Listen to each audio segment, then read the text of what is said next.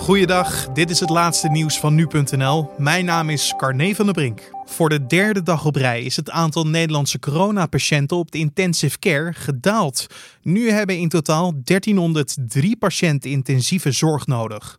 Dat maakte Ernst Kuipers, voorzitter van het landelijk netwerk Acute Zorg, bekend. Het betekent een daling van 35% ten opzichte van maandag.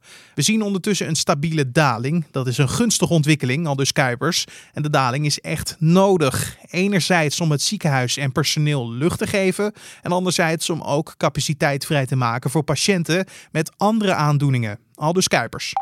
Het RIVM heeft 122 nieuwe sterfgevallen als gevolg van het coronavirus gemeld in hun dagelijkse update. Dat aantal is een stuk kleiner dan een week eerder, maar mogelijk heeft dit te maken met het feit dat we uit een paasweekend komen. Tot nu toe was het aantal meldingen de afgelopen periode steeds het grootst op dinsdag.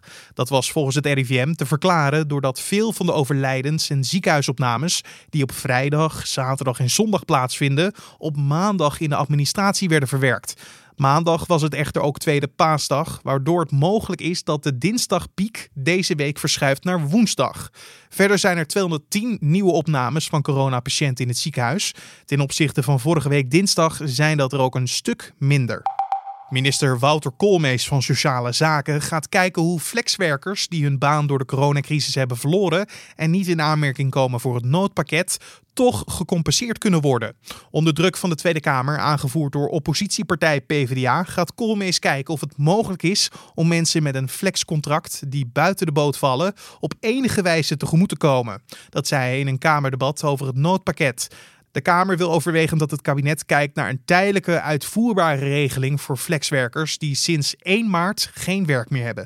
Het aandeel zwartrijders in bussen en trams is sinds het begin van de coronacrisis flink toegenomen. Voor de intelligente lockdown betaalde amper 1% van de reizigers niet voor het vervoer. Nu is dat aandeel in sommige gevallen toegenomen tot 20%, al dus koepelorganisatie OVNL. Eerder signaleerde de provinciale Zeelse Courant al een toename van het aandeel zwartrijders in de provincie Zeeland. Brancheorganisatie OVNL, die ruim 90 Nederlandse vervoersmaatschappijen vertegenwoordigt, bevestigt dat dit inmiddels een landelijke trend is. De toename van het aandeel zwartrijders geldt met klem niet voor treinen en metro's, omdat reizigers dan door poortjes moeten voordat ze kunnen instappen. En tot zover de nieuwsupdate van nu.nl.